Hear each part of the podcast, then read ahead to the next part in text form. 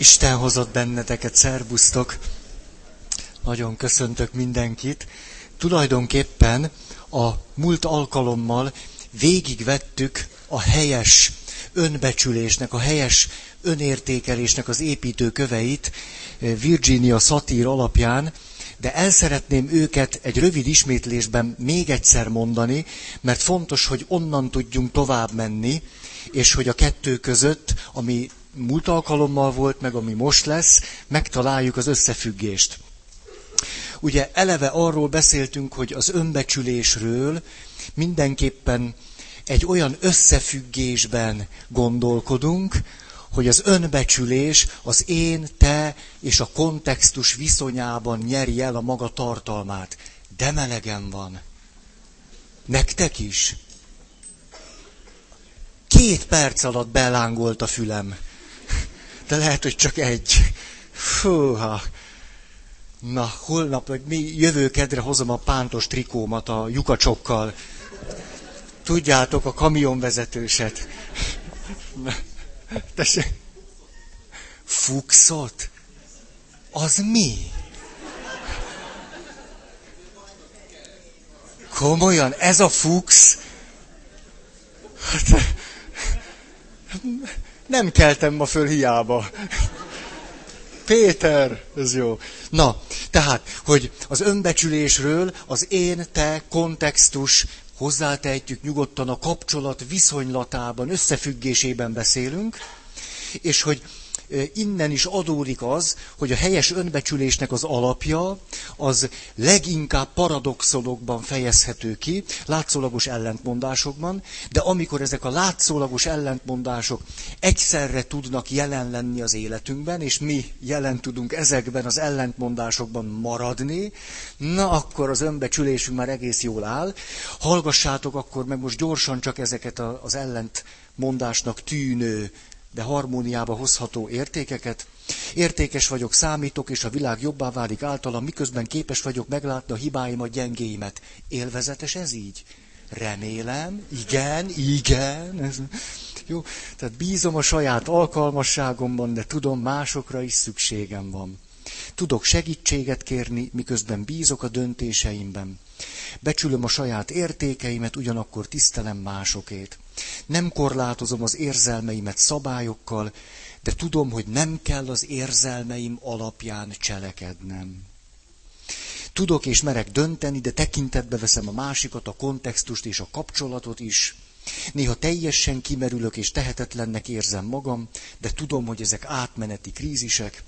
Belátom, ha hibáztam, de mindezt arra használom, hogy tanuljak belőle, ez a jó kis amerikai is könyves, pszichológusos izés.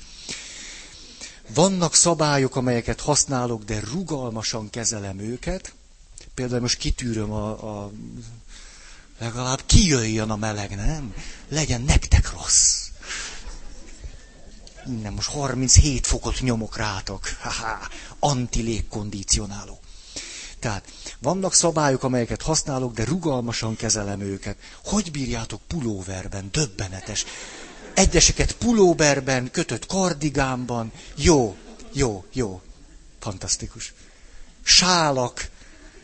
Sapka van valakin? És nézem. Ja, csak haj. Jól van, hát annak könny. Ja, de van ott, ez jó van. Jó. Na szóval, nem hibáztatom magam helytelen tetteimért, de felelősséget vállalok a következményekért és a változásért. Tudom, hogy idősödve egyre nehezebben tanulok, de azt is, hogy van rá lehetőségem. Egyszerre méltányolom az egyediségemet és a hasonlóságomat, azonosságomat másokkal. És végül naprakész vagyok magammal, szemben azzal, hogy nem vagyok naprakész magammal. Mert oda nem írtam mást. Micsoda trehány munka élvezted mi, hogy vége van, azért hagytad le a másik felét. Ezek voltak tehát ezek a látszólagos ellentmondások, valójában egymást kiegészítő értékek.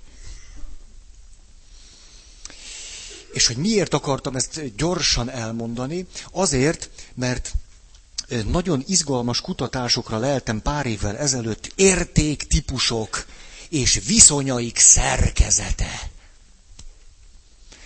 értéktípusok és viszonyaik szerkezete a hm, hm, hm, lélektannak egy sajátos, sajátos irányzatából kultúrlélektan, evolúciós lélektan, összehasonlító kultúr, evolúciós pszichológia, tehát valahogy ezek a könnyebb, könnyebb témák. Tehát értéktípusok és viszonyaik szerkezete. Azért izgalmas, mert több kontinensen végezték el ezeket a kutatásokat, rengeteg embert megkérdeztek, ezért most érdemes azt megnézni, hogy milyen értéktípusokat vettek föl ezek a kutatók, és aztán mit mondtak, hogy ezek az értéktípusok egymással milyen viszonyban vannak. És az fog kiderülni, hogy az értéktípusok alapján is valamiféleképpen önmagunkat beazonosíthatjuk, de ezt csak azért akarom mondani, mert ki fog az derülni, hogy minden értéktípusnak van bizonyos szempontból egy ellentéte, ami szintén egy fontos értéktípus. És hogy most nézzük azt meg, hogy a hívő embernek az elsősorban a mi kultúránkban vallásos, vagy keresztény, vagy kultúrkeresztény embernek mely értéktípusok az erősségei, és ebből adódóan hol lesznek a gyöngeségeink. Bejósolható módon. Ezt nagyon érdemlegesnek tartom. Ezt az előadást éppen három évvel ezelőtt írtam meg, és azóta sem mondtam el. De most eljött az nagy pillanat. Azt mondja, az értékeket, a biológiai szükségletek, a társas kapcsolatoknak megfelelő szükségletek és elvárások, a csoport működéséhez és túléléséhez szükséges föltételek alapján állapították meg. Tehát egyéni szükségletek, biológiai szükségletek, társas kapcsolatok, csoport. Tehát igyekeztek minden mikro, mezo és makroszintű dolgot belefoglalni, és tíz értéktípust állapítottak meg. Gyorsan át fogunk ezen menni, mert van ennek érdekes része, csak valami anyag azért kell a kezünkbe. Nem kell megjegyezni, szerintem le se kell írni. Csak mondom őket, hatalom, státusz, presztis, kontroll, dominancia. Ez volt az első. Második, teljesítmény társas elvárásoknak megfelelő siker. Három, hedonizmus, élvezetek, érzéki kielégülés Péternek tetszik. Azt mondja, stimuláció, izgalom, újdonság, kihívás, kaland, ötös önvezérlés, függetlenség, független gondolkodás, cselekvés, választás, alkotás, fölfedezés tartoznak ide.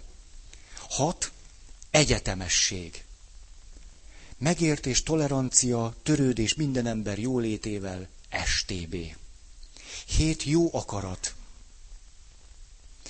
Azok jólétének előmozdítása, akikkel személyes kapcsolatom van. Nyolc, most kezdünk a kultúr kereszténység felé eljutni. Hagyomány.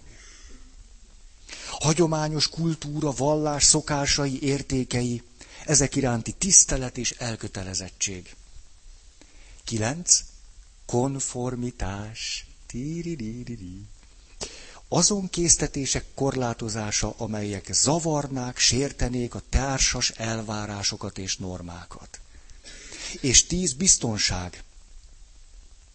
Társadalom kapcsolatok én stabilitása és harmóniája. Ez a tíz értéktípus. Erről szólt a kutatás, és ugye nem kell különösebben hangsúlyozni, hogy ami számunkra evidencia, az az, hogy a hagyomány, a konformitás elsősorban társítható a kultúrkereszténységhez, hagyomány és konformitás.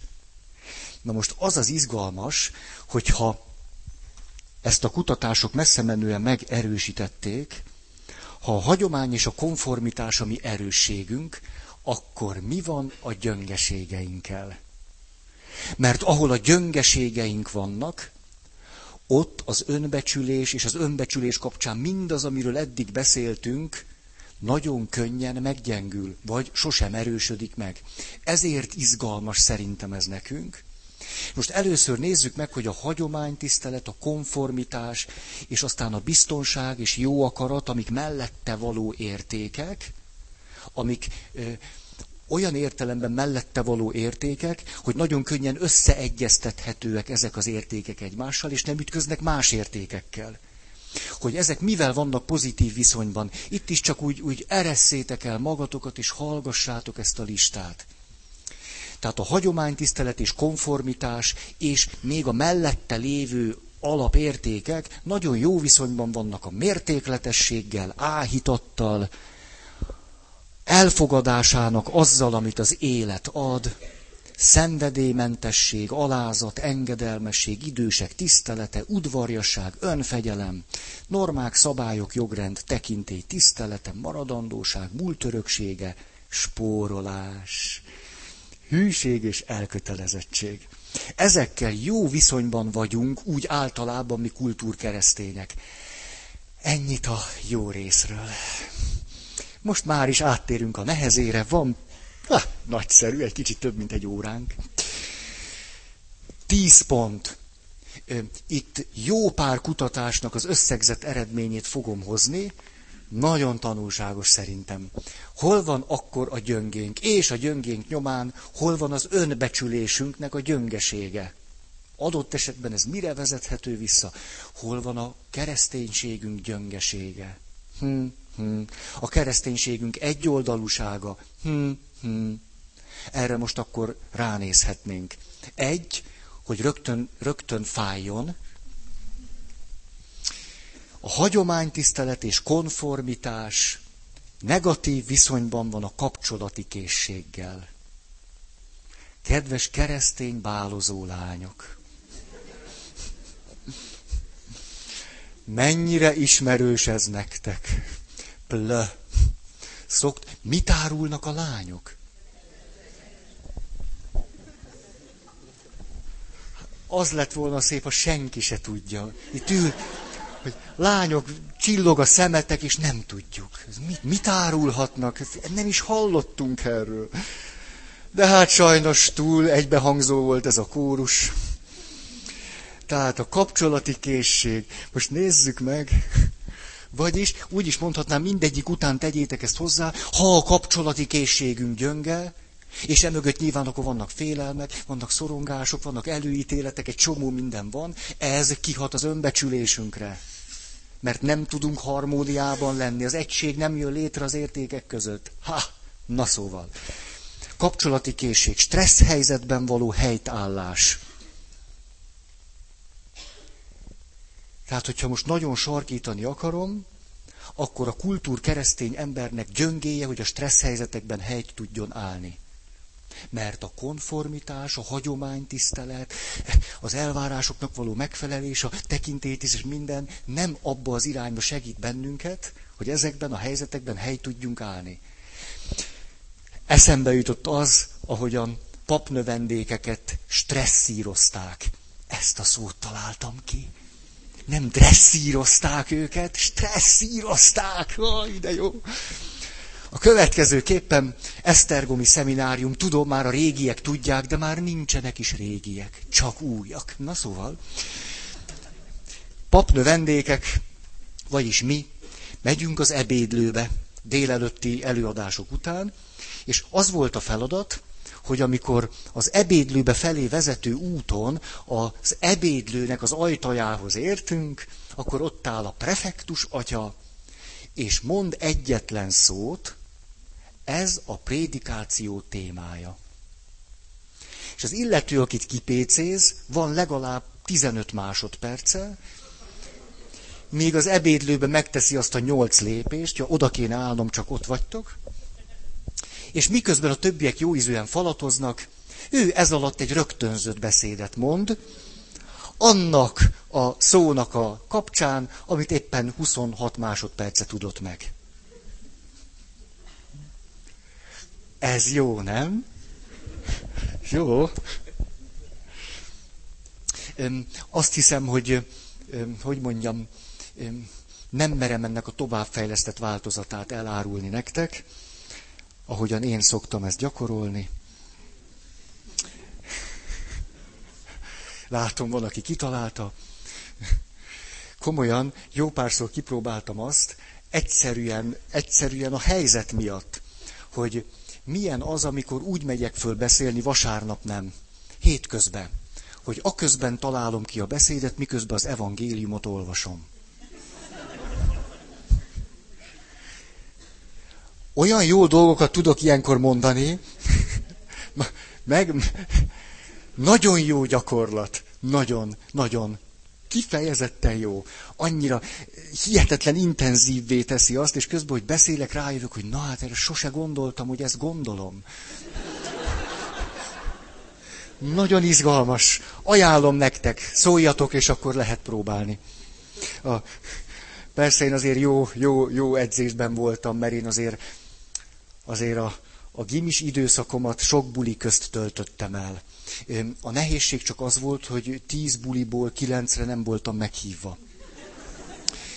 De sokat edzettem arra nézve, hogy hogyan lehet bemenni egy olyan buliba, ahol nem ismernek engem. Ez a kisebbik poén, a nagyobbik poén az, hogy hogyan lehet bent is maradni.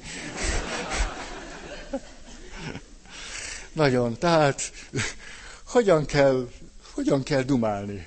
Pif-puf, sose lehet tudni a következő másodpercben, mi történik, nagyon izgalmas. Csak végül ezt is megszoktam. Már nem volt elég izgalmas, meg fölnőttem egy kicsit. Tehát a kapcsolati készség, stressz helyzetekben való helytállás, mint gyöngénk. Van ennek komolyabb változata is. Ájult el már mellettetek valaki? Volt részetek balesetben? Volt olyan, hogy valaki epilepsziás rohamot kapott? Ugye, hogy élünk 20-30 évet, biztos, hogy egyszer-kétszer már megtörténik velünk. És az összes keresztény jó akaratunkkal úgy állunk ott, mint a faszentek. Pont úgy, tehát a templomba be lehetne minket vinni, kicsit bearanyozni, és... És akkor évekig lehetne a virágot hozni, amíg így föl nem engedünk azért nem megrázó ez? Tehát elvileg ez, hogy, hogy segíteni, meg ott lenni, meg nem tudom mi, és jön egy helyzet, ami, amit nem, nem gondoltál jól át, eléggé alaposan, és akkor se kép, se hang lehúzzák a rolót. Na, tehát ez. Második, a kapcsolati készségen belül konfliktus tűrés és kezelés gyöngénk, úgy általában konfliktus tűrés és kezelés. A... Jött hozzám valaki, egy férfi ember, tíz éve volt házas, és azt mondta, hogy hát ő tulajdonképpen egy pszichológustól jön, ott már hallott sok mindent, csak most le akarja ellenőrizni egy papnál nem, nem, nem tudom, hogy hogy sikerült neki, és akkor a házastársi kapcsolatáról beszélt, ami úgy volt katasztrófa, ahogy volt. És a következőt mondja ezzel kapcsolatban, hát a pszichológus azt mondta nekem, hogy annak a problémának, amivel te most idejössz, ezzel a házasságkötés után fél évvel kellett volna jönni. Tehát értitek ezt? Hogy kilenc és fél évig ő még kibírta. Na ez a konfliktus kerülés. Tehát, hogy hogy, hogy tud egy, most persze, hogy sarkos, amiket mondok, meg nem tudom mi, de ti sokkal jobb fejek vannak, vagytok annál, hogy félreértsetek. Hát persze, hogy, na, hogy képesek vagyunk tíz évig még valamiben benne lenni, ameddig az aztán tényleg annyira tönkre nem megy, és tényleg olyan totálisan sok sebet nem kapunk már, hogy akkor már, amikor ott belekezdenénk, már úgy reménytelen, ahogy van. Emögött nagyon gyakran a kóros konfliktus kerülésünk, a konfliktus tűrésnek a hallatlan gyöngesége van. És utána, amikor a vállásig elérkezünk, aztán akkor persze az önbecsülésünk totál szerte szétfoszlik. És egy ilyen egyszerű késed, egyszerű készség, azt nem tudom, de mondjuk ilyen egyszerűen kimondható készségnek a, a, a gyakorlásával sokkal előrébb lehetne jutni. Hm. Egy zseniális könyv jelent meg, a pszichoszomatikus betegségre hajlamos családok rendszer szemlélete. Egy ilyen kifejezetten a Mici Mackó mellé oda állítható könyv. És tényleg a Mici Mackó bonyolultabb, tehát azért ez... van ebben egy, egy zseniális összefoglalás, hogy a pszichoszomatikus betegségekre hajlamos családok általános jellemzői. Érthető még, amit mondok? Jó, akkor még én is itt vagyok. Tehát az első pont konfliktus kerülés. Tehát ha azt akarjuk, hogy gyerekeink 5 évesen asztmásak legyenek, 8 évesen cukorbetegek, 11 évesen gyöngébben látók, és 14 mm, évesen hipertóniások, kerüljük a konfliktust. Ez a jó tanács hozzá. Ez az négy általános jellemzője van az ilyen családoknak. Az első, és ekkora betűkkel konfliktus kerülés. papnövendékek között végeztek nagy fölmérést, illetve lelki gondozók között sok százat mértek, és kiderült, hogy a papnövendékek és a lelki gondozók az átlagnál jóval konfliktus kerülőbbek, és kevésbé konfliktus tűrők. Hát akkor hogy fogják csinálni? Mert azt nem nevezném mondjuk konfliktus tűrésnek, hogy állok a szószéken és szídlak titeket. Ebben nem sok konfliktus van. Ugye, mert ti nem szólhattok. Na jó. A, olyan érdekes ez, nekem nagyon-nagyon-nagyon sok időmbe tellett, míg a konfliktus tűrést valamennyire, mondjuk a második lépcsőre ráléptem, vagy a harmadikra. Én is tipikus vagyok. Ha lehet, elkerülöm a konfliktust. Aztán leülünk valakivel beszélgetni, most magamról beszélek, és előjön egy nehéz helyzet, régen páni félelemmel rohantam volna ki belőle. Aztán szép lassan meg lehet, meg lehet, meg lehet valamennyire tanulni. Épp most néhány héttel ezelőtt volt nálam valaki, azt mondja, képzelt Feri, ez és ez és ez történt az iskolában. És hallgatom tíz percig. Én ezt egyszerűen nem tudom elképzelni, mondtam neki. Még beszélünk róla. Végül, végül eljutottunk, hogy azt mondtam, te ne is haragudj. Most 50 perce beszélünk valami olyasmiről, amiről én azt gondolom, hogy nem történt meg.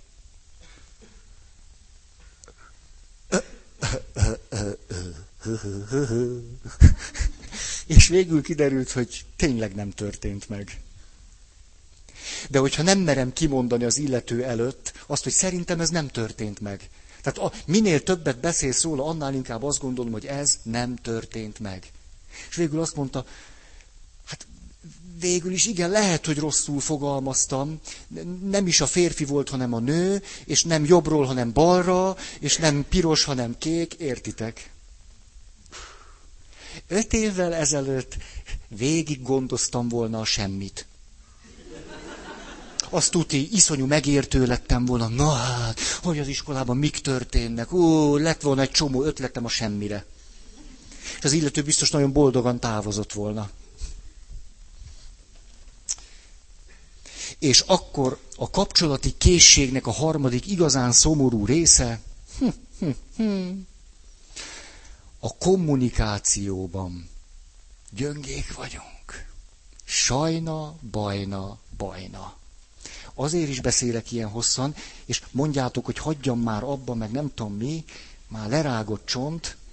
Hát, ha ez volna az erősségünk, már abba hagytam volna.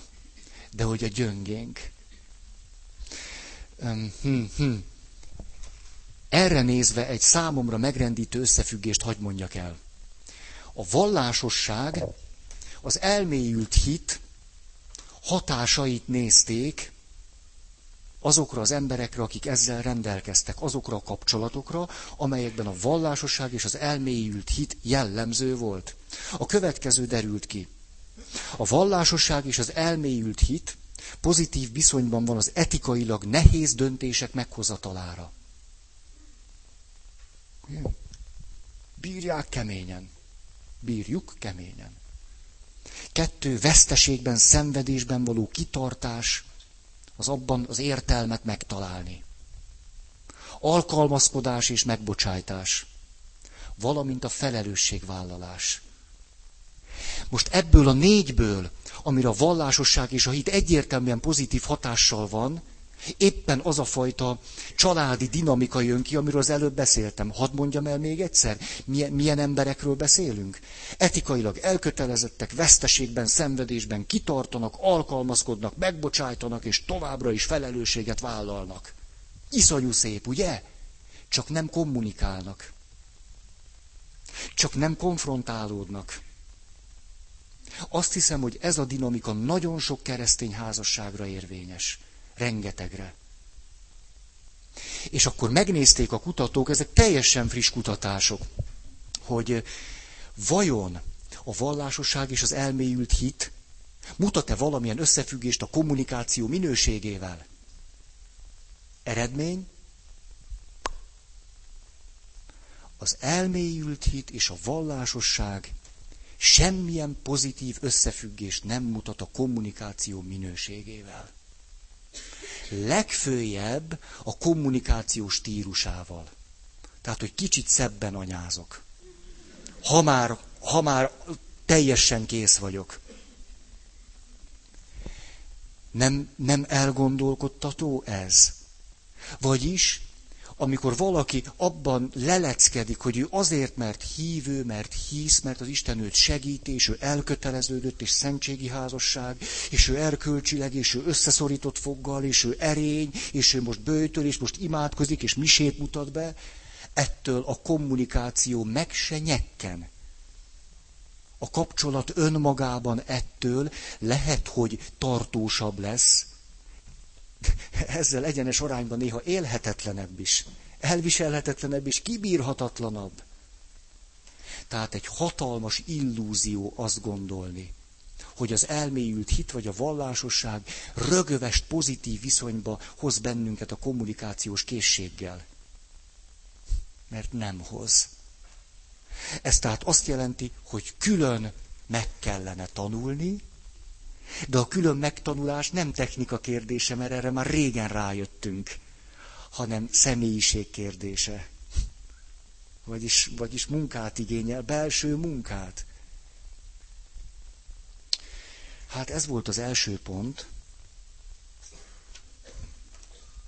Kettő. Hagyománytisztelet és konformitás negatív viszonyban van a más kultúrákkal, normákkal való viszonyra, a kisebbségek elfogadására. Teljesen logikus egyébként. Nyitottságra a tapasztalást illetően. Mert ugyanis, hogyha egy más normájú, más kultúrájú, más világú, más szellemiségű valakivel kapcsolatba bocsájtkozom, az kihívást fog intézni a saját normáim, szellemiségem, örökségem, stb. felé. Már eleve az, hogy én, én elkezdek valakivel dialogizálni. Ha, már az kihívást intéz. Ezért tehát inkább arra vagyunk hajlamosak, hogy elzárkózzunk, bezárkózzunk a saját világunkba. A házastársi kapcsolatban, de erről már olyan sok szó esett, mindenki bezárkózik a maga hozta örökségbe. Vagyis, hogy hogy kell mosogatni. Hm. Van egy gyönyörű történet az Ószövetségben, éppen nem olyan régen olvastuk, mikor Isten megszólítja ebben a történetben Ábrámot, még akkor nem Ábrahám, és azt mondja neki, Ábrám, hagyd el a szülői házat, hagyd el a földedet, hagyd el a kultúrádat, és menj abba az irányba, amit mutatok neked. Sí. És Ábrahámra azt mondjuk mi a hagyományban, hogy ő a hit ősatja. De szép ez. Vagyis egy afféle hit, ami teljesen reflektálatlanul, egy olyan vallásosság, ami semmi másról nem szól, mint hogy ezer gyökérrel bele mélyedtem a saját hagyományomba, a saját kultúrámba, a saját rendszerembe. Hát, az inkább a kultúráról, hagyományról, saját szokásokról és egyebekről szól. A hagyományunkban, a kultúránkban ott van Isten. De ennél van egy sokkal fontosabb mondat, mert hogy a túl is ott van. A hagyományunkon túl is ott van, a kultúránkon túl is, a földünkön túl is, a családunkon túl is, a szokásainkon túl is, mind-mind ott van. Hihetetlen, hogy micsoda konfliktusokat élek meg a saját egyházközségemben, a magyarságra vonatkozóan. Nagyon izgalmas. Van, aki olyan mértékben ágyazódik bele abba, hogy ő keresztény magyar, hogy csak ebben az összefüggésben képes a kereszténységet látni. Ő keresztény magyar. Nem tudom, halljátok-e, hogy mit mondok ezzel, keresztény magyar. Ha valaki egy keresztény magyar, akkor ott a súlypont a magyarságon van. Csak éppen ő egy keresztény fajta magyar.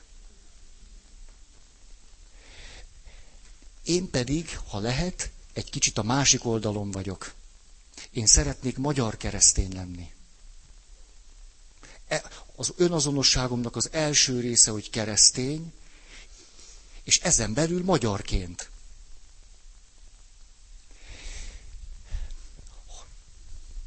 Elsősorban vagyok keresztény, másodszorban katolikus. Elsősorban hívő, másodszorban keresztény. A szónak vallási értelmében. Elsősorban hívő, másodszorban vallásos. Ezek persze együtt, együtt, együtt. Hát nem tudom, hogy ezt át tudtam-e most adni. Remélem. Remélem. A, olyan sokat emlegetem nektek a verbita atyákat. Verbita rend, missziós rend, a szónak legjobb értelmében. Az egyetlen rend, ami 1945 óta a taglétszámában bővül. A tíz legnagyobb rend közül. Jezsuiták csökkennek, bencések csökkennek, piaristák csökkennek, dim dim dim dim dim egyre kevesebben vagyunk. Ez a rend megnő. Úgy hívják, hogy verbiták, jelenleg a hetedikek, de már olimpiai pontszerzők lehetnek egy-két éven belül. Tudjátok, hogy hogy engedik el őket? Fogadalmat kell tenniük arra nézve, hogy képesek elhagyni az anyaföldet, szülőföldet, anyanyelvet és a saját kultúrájukat. Ha ezt a hármat valaki képes elhagyni, és úgy is keresztény, akkor az már egy hívő ember. Az akkor ott tényleg kereszténység. Kivéve, ha úgy csinálják, mint ahogy csináltuk nagyon sokáig, hogy nem a kereszténységet vittük, hanem a kultúránkat. Fölháborító. Afrikában elsősorban, de Dél-Amerikában is föllázadtak ellenünk. Joggal. Mert ráadásul rá se láttunk arra, hogy nem is a kereszténységet visszük, hanem az európai kultúrát. És az európai kereszténységet vittük. Ha! Fölháborító. És nem voltunk elég fogékonyak arra, hogy egyáltalán elemi szinten lássuk a kettő közti különbséget. Nagyon igazuk volt azoknak, akik azt mondták, hogy ez tűrhetetlen, és menjünk haza hogy ebből a kereszténységből nem kérnek. Ameddig mi nem tudjuk egyben is látni, és külön is látni a kultúránkat, nyelvünket, földünket, hagyományunkat, szokásainkat a kereszténységtől. Együtt is, külön is. Együtt is, külön is.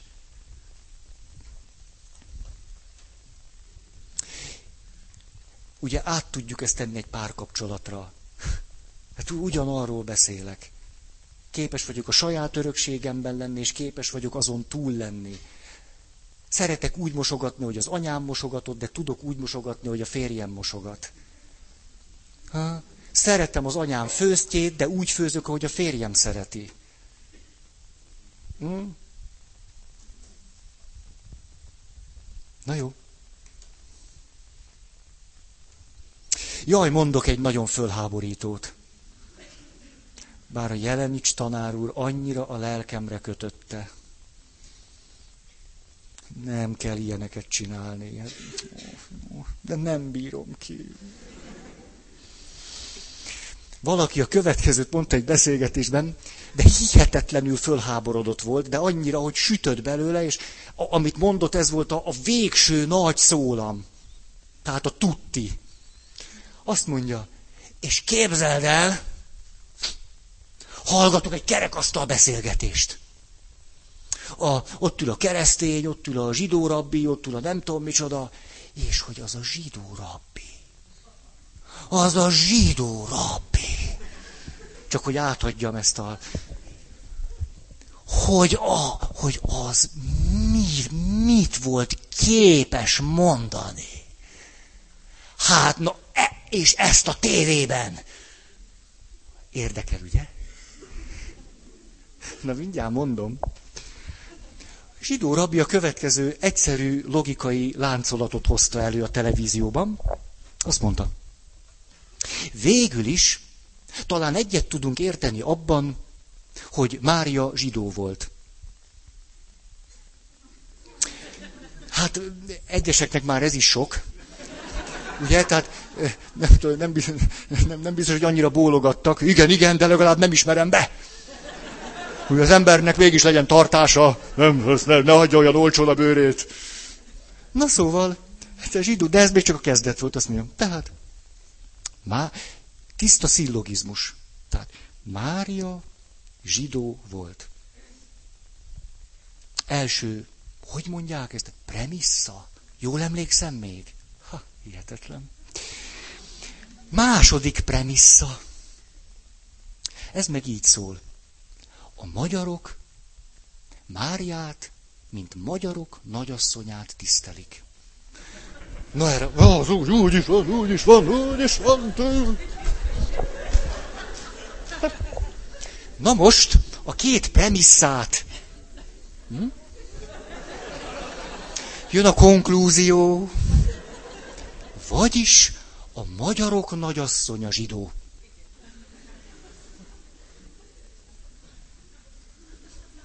És ez a kedves valaki, ez totál elszállt ettől. Azt mondja, volt képe ilyet mondani. Fú, ilyet, ilyet mondott. Ilyet. Oké okay, ez, megvan, erről beszélek. Tehát, hogy most így, a hit Máriája totál elvesztette a kapcsolatot a földi Máriával.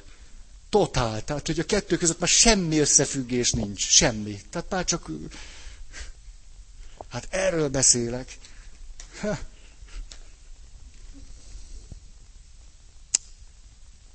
Harmadik pont. A hagyomány tiszteletünk és a konformitás negatív viszonyban van az egyenlőséggel.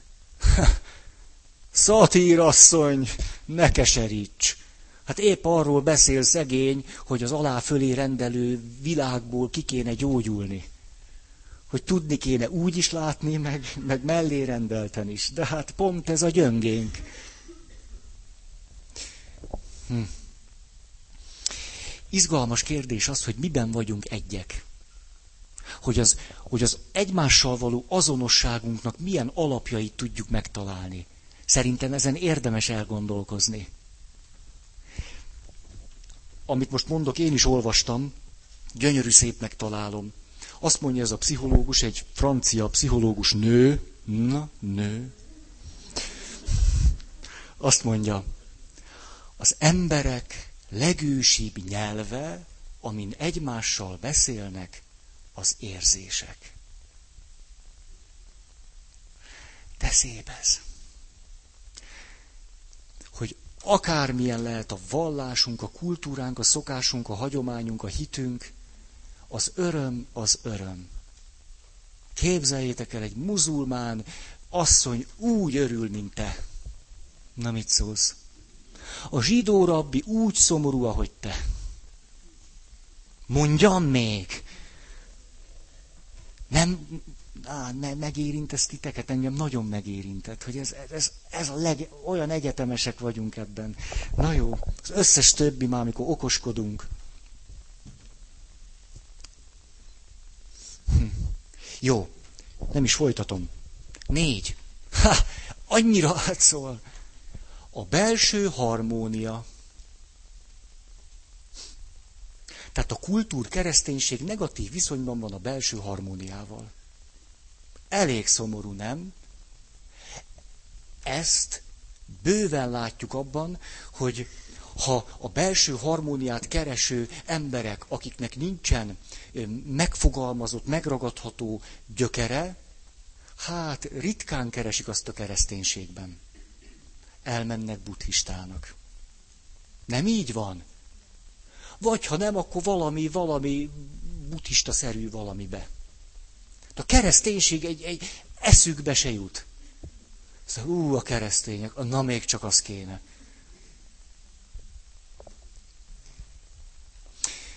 Egy vizsgálat azt mutatja, az olyan fajta emberek, mint mi, a belső folyamataikat nem értik, lebecsülik. Ez az, amiről olyan sokat beszélek. Mit érzek, mi megy a testemben, stb. stb. Mire lenne szükségem? Fáradt vagyok-e, vagy nem? Inkább élünk egy felettes én diktatúrában.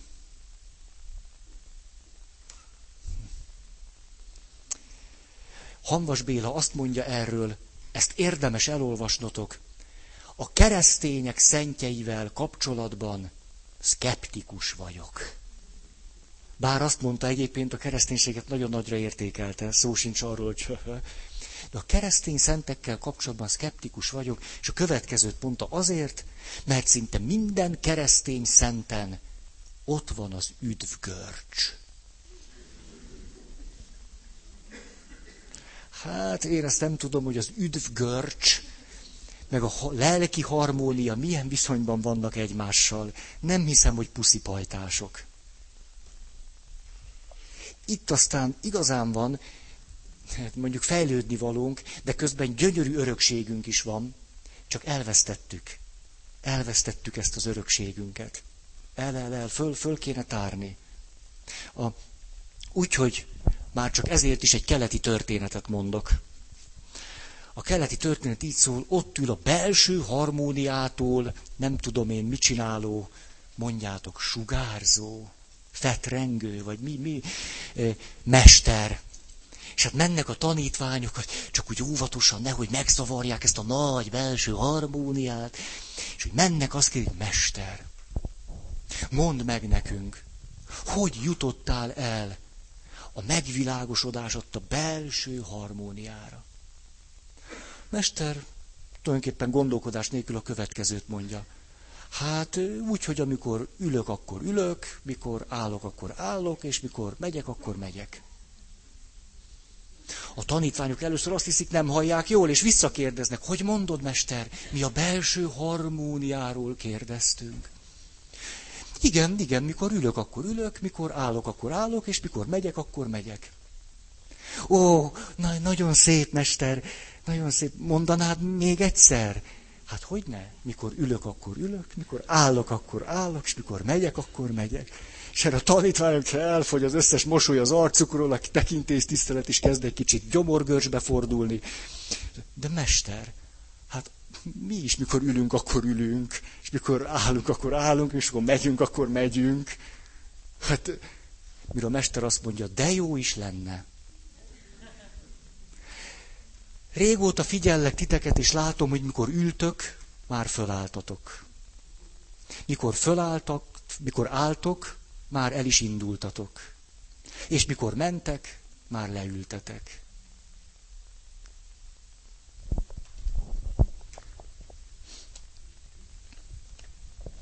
Ez tehát a belső harmónia. 5. A hagyománytiszteletünk, konformitásunk negatív viszonyban van a szabadsággal, függetlenséggel, autonómiával. Belső szabadság, elsősorban belső függetlenség, negatív viszonyban vagyunk vele. Jelenics tanárurat, tudjátok, hogy vették föl az egyetemre? Ötvenes évek. Bölcsészkar. Nem bölcsész, de kar, az a kar, ugye? Jó. Bölcsészkar, magyar szak. Ötvenes évek, piarista diák. Ez egy elég rossz konstelláció volna egy asztrológiai képletben. Tehát ugye, jelen is tanár úrnak mit, mit számít az? Elment fölvételizni. Hát ugye nyilvánvalóan lehet látni, hogy piarista gimnázium, dim, dim, dim, dim, és akkor kérdezik tőle, ezt, na, tehát így volt, na, mert hogy ő írta, mondta, azt mondja. De először is arról kérdezett a fölvételiztető. Mondja István. Tanultak maguk Marxról és Leninről? Igen, tanultunk. És mit tanultak maguk Marxról és Leninről? Hát sokfélét. Na akkor hányféle embertípus létezik Marx és Lenin szerint? Hát azt tanultuk róla, hogy vannak a szocialista embertípusba tartozóak, és a nem szocialista embertípusba tartozóak. És mit mondott Marx és Lenin az egyikről és a másikról? Jelen is tanár úr azt mondja, akkor még nem volt tanár úr, de azt mondja, hát, hogy a szocialista embertípusba tartozó emberek haladóak és modernek, a nem szocialista embertípusba tartozóak pedig hát minden csúnyaság. Erre a tanár a végső nagy kérdés. És ön, kedves István, mit gondol erről? Mire Jelenics tanár úr 18 évesen a következőt mondja. Nem értek egyet a felosztással.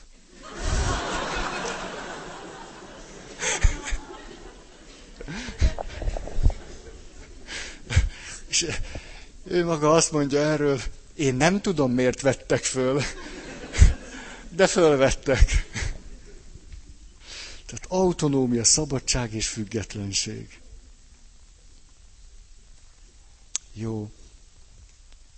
A, tudjátok, itt múltkor már teljesen el, elszálltam, fő témává tettem az önkielégítést. Mi, mi, mi volt még fő témánk? A női fenék, az nagyon-nagyon előtérbe került. Tessék? Igen, igen, de most főleg ezekre gondolok. És a...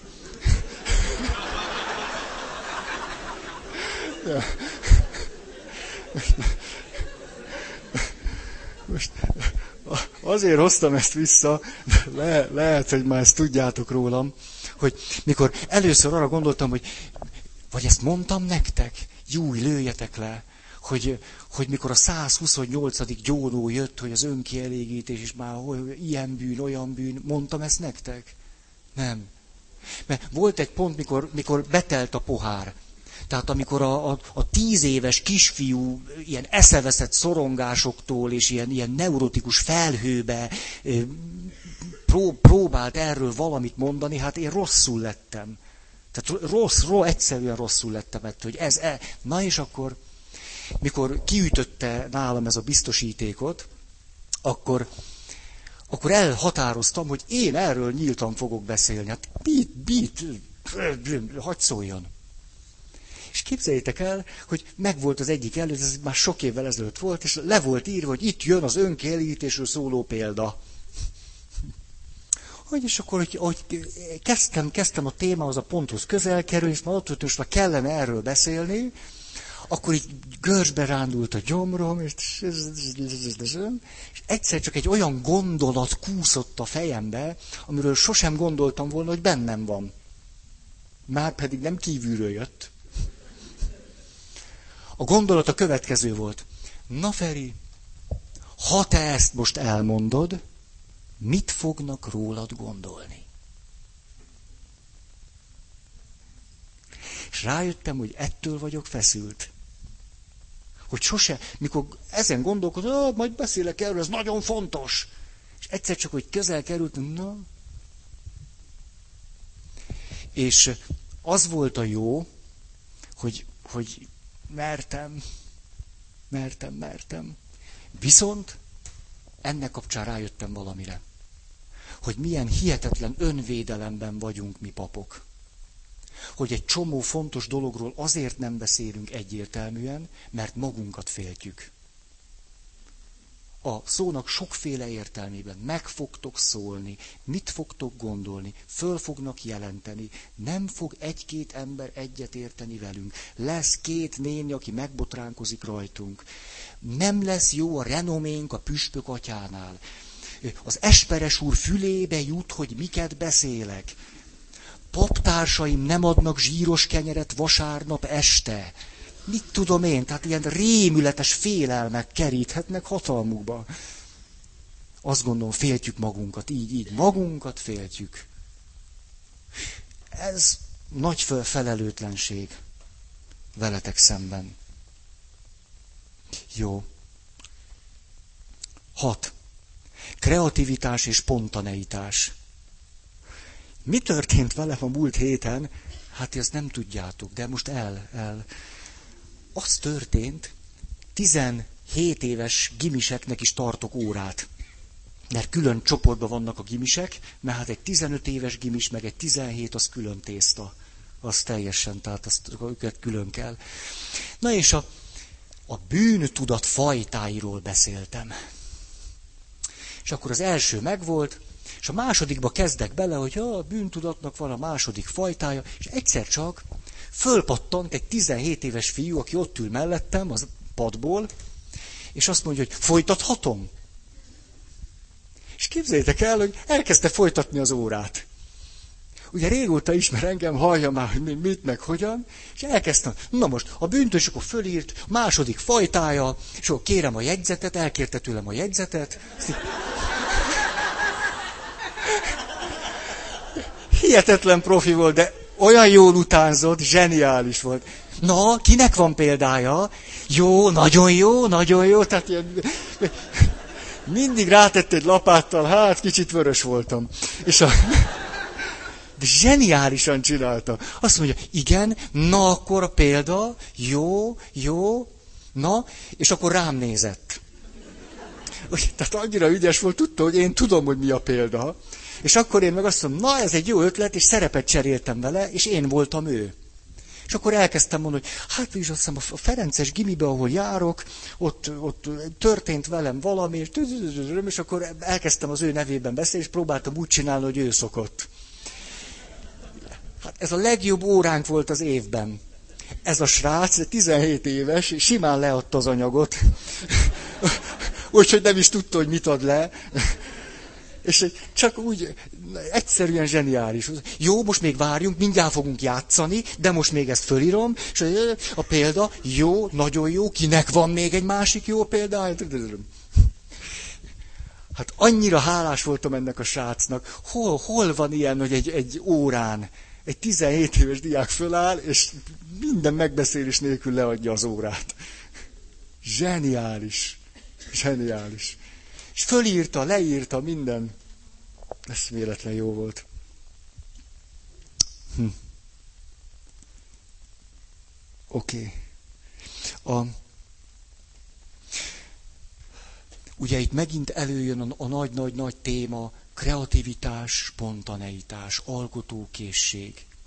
Azt hiszem, hogy, hogy kultúr keresztényként nagyon tele van a nadrág inkább ne nagyon menjünk bele új dolgokba, mert még a bűn útjára lépünk. Egyszerűen nem hiszem, hogy lehetne fejlődni tévedések nélkül. Vagy növekedni bűnök nélkül. Azt hiszem, hogy egy fiatalember pláne nem tud növekedni némi bűnelkövetés nélkül. Szerintem nem tud nem tud, és ezért ezt nekünk nagyon tiszteletben kéne tartani. Nem a bűnét, amit elkövet, hanem hogy lehet, hogy éppen azon az úton jár, amiből aztán valami sokkal több jó fog tudni kijönni. Ha most elkerüli ezt az egy-két stiklit, hát nem biztos, hogy jó jár vele. Ez húzósan hangozhat. Én nem akarok senkit bűnre csábítani.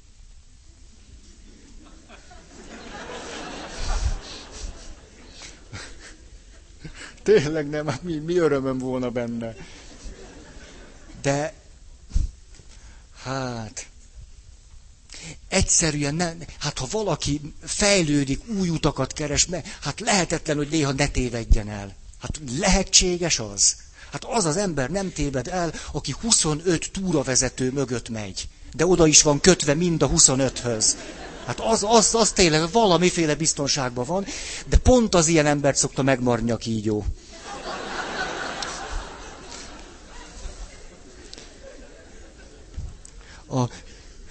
Gyóntató papként ezt is nagyon-nagyon kellene mérlegelni. Nagyon. Nagyon. Hogy, hogy egy-egy bűn mögött mi minden, mi minden van, micsoda, hát egy egész világ van, egy egész ember van, az egy egész univerzum.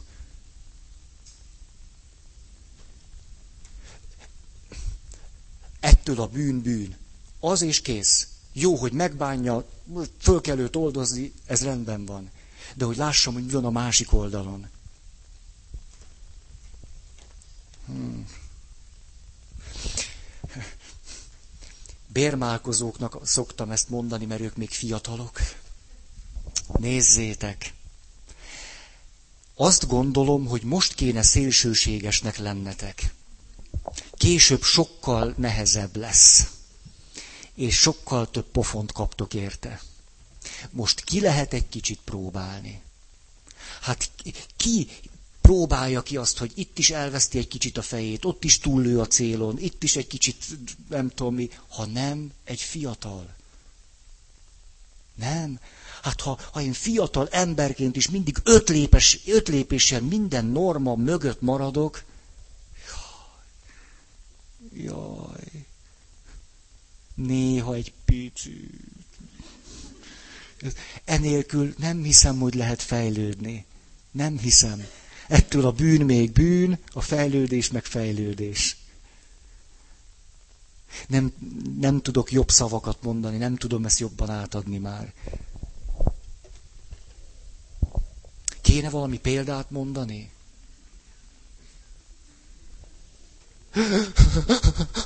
De nem jut eszembe semmi. Szóval annyira meg vagyok. De hogy nem eszembe jut? Na, olyan drága volt egy néni. Azt, azt én sose felejtem el. Főleg, hogy direkt ide van írva, hogy példa, néni.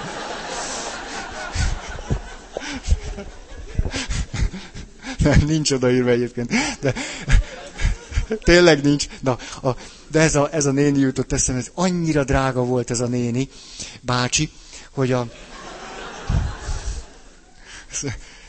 70 éves elmúlt és körülbelül húsz éve özvegy. Jött gyónni. Nagyon aranyos. Na, szóval, azt mondja Feri atya, tudod, hát én egy régi, jó ismerős férfit fölhívtam magamhoz. Hát tudod, Feri, ezt a régi, jó ismerős férfivel de szerettem volna lefeküdni. Hát tudod, Feri, ez a régi jó ismerős férfivel én bizony delefeküdtem volna. De bőrbetegséget kapott. És akkor az utolsó mondat az, hát tudod, Feri, régi jó ismerős férfivel, ha rajtam múlik, én lefeküdtem volna. szóval értitek ezt, hogy, hogy egy 70 éves néni 20 éve nem volt senkivel. És 70 évesen ezt, ezt a bátorságot, azt, hogy de hát nő vagyok még, az árgyélusát. Hát ezt, én nem azt mondom, hogy ez volt a legjobb módszer rá. Hát nem kell ahhoz lefeküdni a régi jó ismerős pasival, hogy, hogy tudja, hogy az. De mindegy, ő ott tartott, ő benne ez volt, ez most így állt össze, persze, így esetleges, ahogy van de hogy ne lássam meg mögött ezt a hihetetlenül mélyen emberit, és amiben semmi bűn és szégyelni való nincs.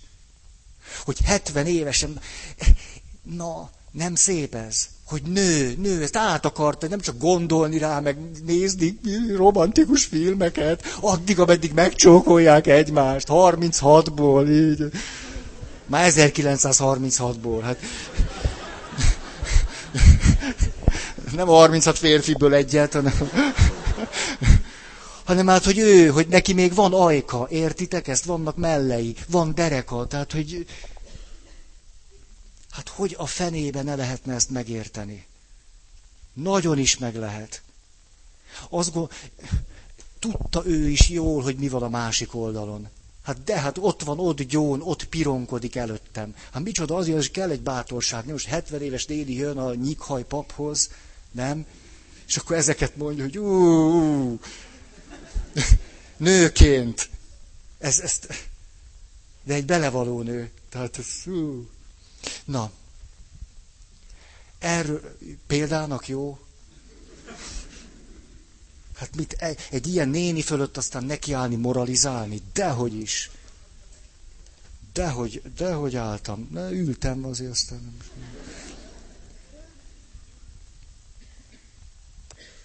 Jó. Hét. A hagyomány tiszteletünk és konformitásunk negatív viszonyban van az élet örömmel és élvezettel, az izgalmas élettel, a stimulációval.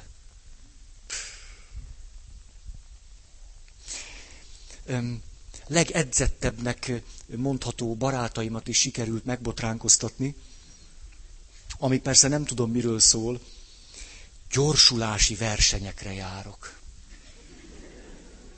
Nagyon ász. Nagyon. Elmentem kettőre nézni, szóval, na hát a harmadik, ott biztos, hogy indulok. Az a pénz nincs, hogy én a lelátóról nézzem iszonyú jó. Tehát nagyon, eszméletlenül jó. Ajánlom nektek. Hungaroring, tököli reptér. Havonta egy biztos van. A tököli reptér jobb, mert ott a, az amerikai táv van. 400 méter. Ú, de baró. Nagyon jó. Tényleg, és már indul a szezon. Márciusban már évnyitó van. Vagy évadnyitó, vagy mi. A... Mennyit piszkoskodtak ezzel a szegény nagy szenterézzel, avilai nagy szenterézzel, hogy kiközösítették, megverték, bebörtönözték, saját rendtársai, mit tudom én, szégyenítették meg.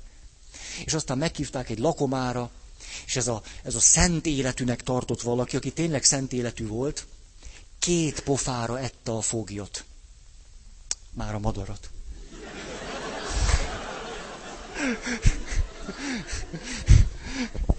És persze, hogy belekötöttek. Csúnyán belekötöttek. Na Terész, szép, szép kis szent vagy, te szép kis misztikus. Majd biztos elhiszük, hogy Jézussal beszélgetsz. Persze.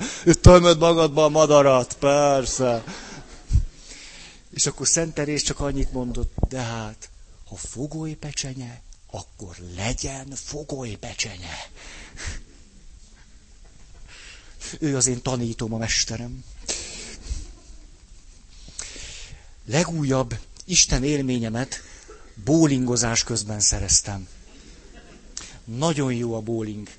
Annyira jó, mikor életemben másodszor bólingoztam, utána ez így, ahogy mondom, három hónapig nem bírtam fölemelni a kezem. Itt ezeket, a, ezeket az izmokat úgy megrángattam, egyszerűen már attól féltem, hogy sose jövök rendbe. Az egész nyaram így ment végig, hogy nem bírtam így egyenesben, mindig csak így, így, így. Ez mit jelent? Az, hogy olyan diszharmóniában volt a testem, miközben azt a nevetséges golyót guri, nehéz mozgás, nem? Tehát kifejezetten bonyolult mozgás. Tehát fogod? Ennyi. És három hónapig nem bírtam fölemelni a kezem.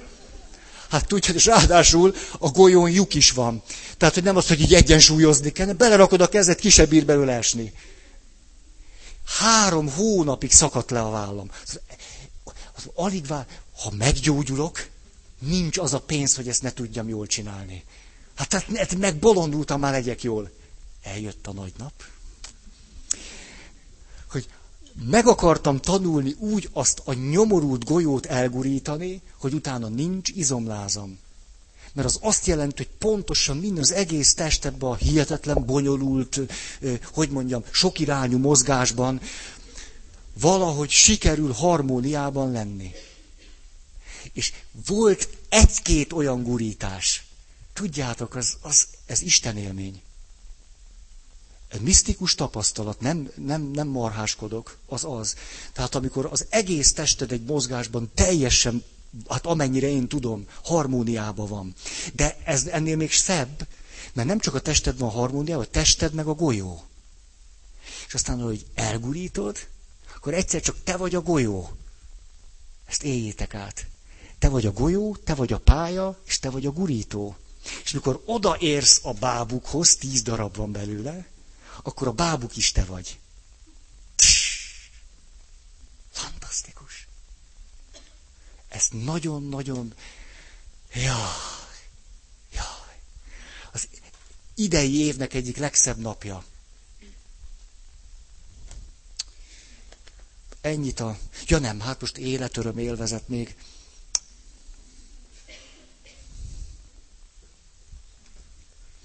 Olvasok én nektek egy bencés atyától. Hallgassatok valami jobbat. Azt mondja. Kérdez felelek, kérdezi a bencés atyát, német, Willigis Jéger. Azt mondja. A szerzetes beszél. Gondoljon csak a jelenkori wellness divatra, vagy az általános sport iránti lelkesedésre. Legyen szó bár gördeszkázásról, siklóernyőzésről vagy snowboardozásról, mindezek a tevékenységek, a testi élmények olyan tág területeit nyitják meg az emberek előtt, amelyek jóval lenyűgözőbbek, mint amivel az egyházak szolgálhatnak számukra.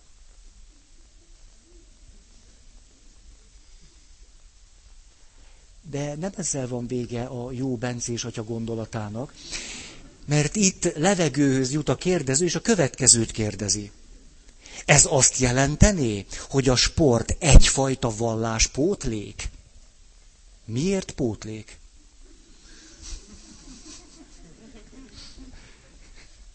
A jó Bencés atyának helyén van az esze. Miért pótlék?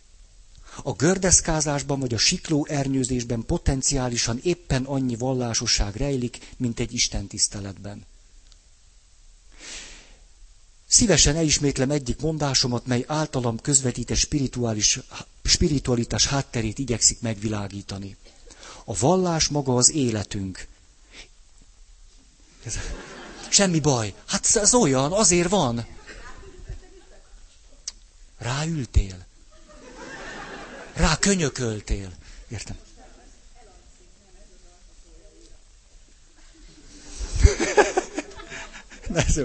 Tehát Mit mond itt a Bencés atya? Hát ezután már semmit. Na, de az, a vallás maga az életünk, és az élet kiteljesítése a tulajdonképpeni vallás.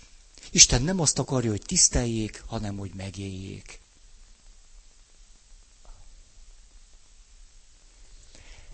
A bencés atyának a mondani valójának a legszebb része az, amikor visszakérdez. Miért valláspótlék? Vagyis a jó bencés atya kevésbé előítéletes, mint a kérdező. Tehát, nyolc, am... Hű, nézem az időt. Ambíciók, sikeresség, saját célok.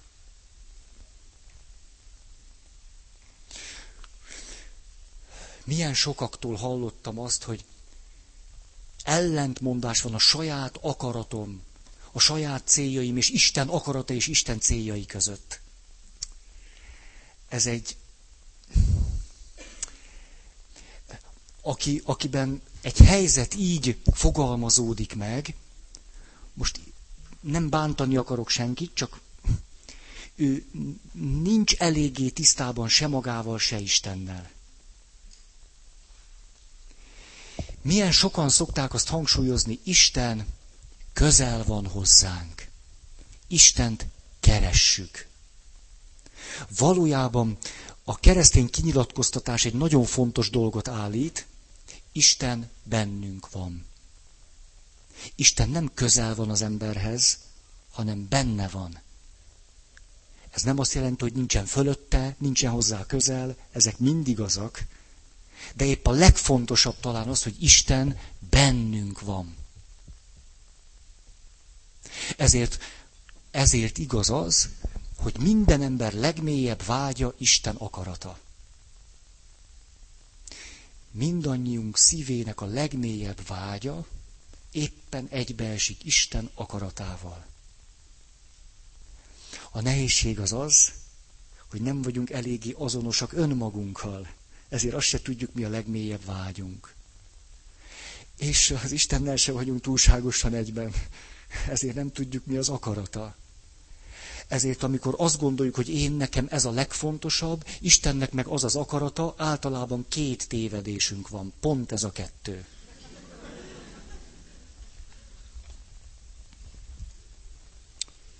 Na most, esztétikum és szépség világa. Most ilyen gyors, gyorsba mondom. A, például a test esztétikuma. Hogy keresztényként, hát mit, mit kell ezen szégyenkezni? Hogy, hogy miért nem tudunk önfeledten gyönyörködni benne? Hát szerintem érdemes lenne ezt megtanulni. Nagyon.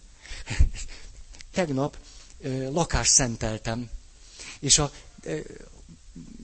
négy gyerek van, három, kettő, egy, és akkor úgy vannak a gyerekek, van egy négy, éve, négy és fél éves kisfiú, és van egy három éves kisfiú.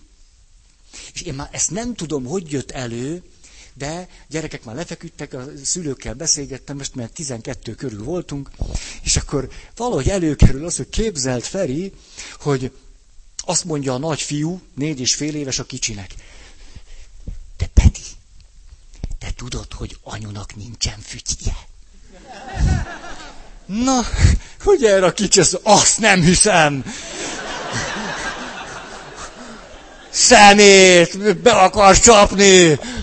Anyunak az lehetetlen, hogy anyunak nincs. Tudja, hogy van. És ugye ez lett az óriási téma. Tehát, hogy ez, ez, ez, teljesen ez, ez, és akkor odaállt a két kisfiú így. Laci azt mondta anya, hogy neked nincs is fűkéd. És Laci azt mondta, anya, mutasd meg neki, hogy nincs. Ezt már itt a feleset réfa, hogy És akkor az anya azt mondja, hogy Petikém, tudod, nekem, mint az összes nőnek, Nincsen fütyink. Anya! Mutasd meg! És akkor az anyuka, le a nacti, le a bugyi, látod? Nincs. Kisfiú nézte. Tényleg nincs. Bugyi föl, gatya föl, ment tovább az élet. Nem szép ez.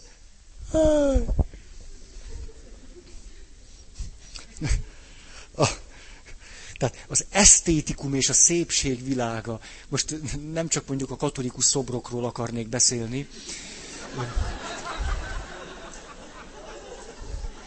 Mondjuk van, van egy-két, egy-két szép darabunk, tehát mondjuk egy-két olyan dizájnos lurdi barlang. Igazából tényleg egy hajszál választ el bennünket attól, hogy Fábri sóba bekerüljenek a lurdi barlangok. Ebből egy külön sót lehetne szerintem. A...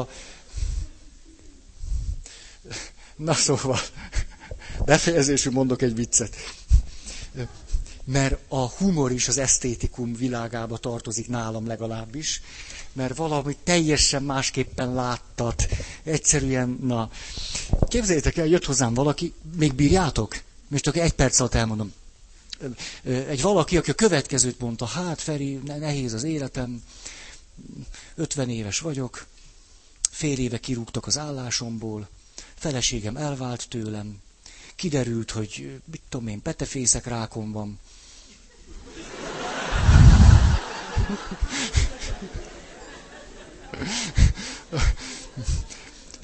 teljesen, teljesen nullán vagyok anyagilag, a gyerekeim már elmentek, hallani se akarnak rólam. Tehát olyanokat mondok, hogy fél óra után úgy ültem, hogy hát na ebből most mi fog kijönni. Tehát, hogy itt, itt... És egyszer csak megállt, ugye a 48. perc körül, mikor lesz már vége ennek, Maruszul?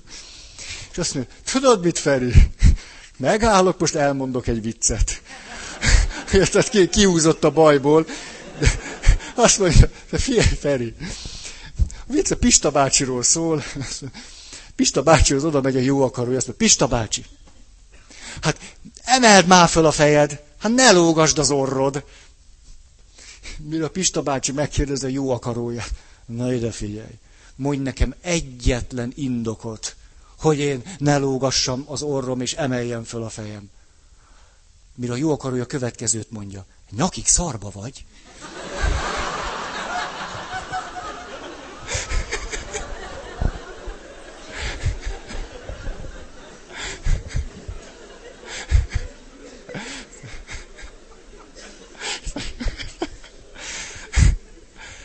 Ez nekem nagyon bejön.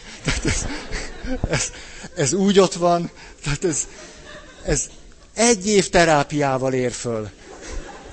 E, úgy zseniális, ahogy van. Szóval néha egyszerűen erre van szükség. Terapizálhatjuk akármeddig, így izé, úgy izé.